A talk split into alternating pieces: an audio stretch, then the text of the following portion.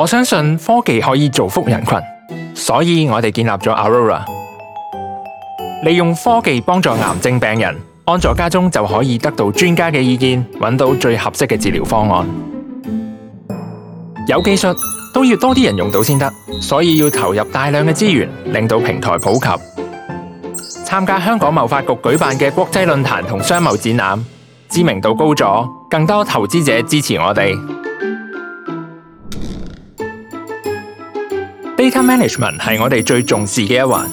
我哋嘅 cyber security 系統需要不停咁 optimise。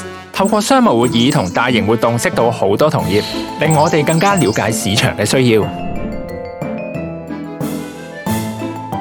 需要我哋嘅唔止香港，所以我哋要揾海外嘅合作伙伴。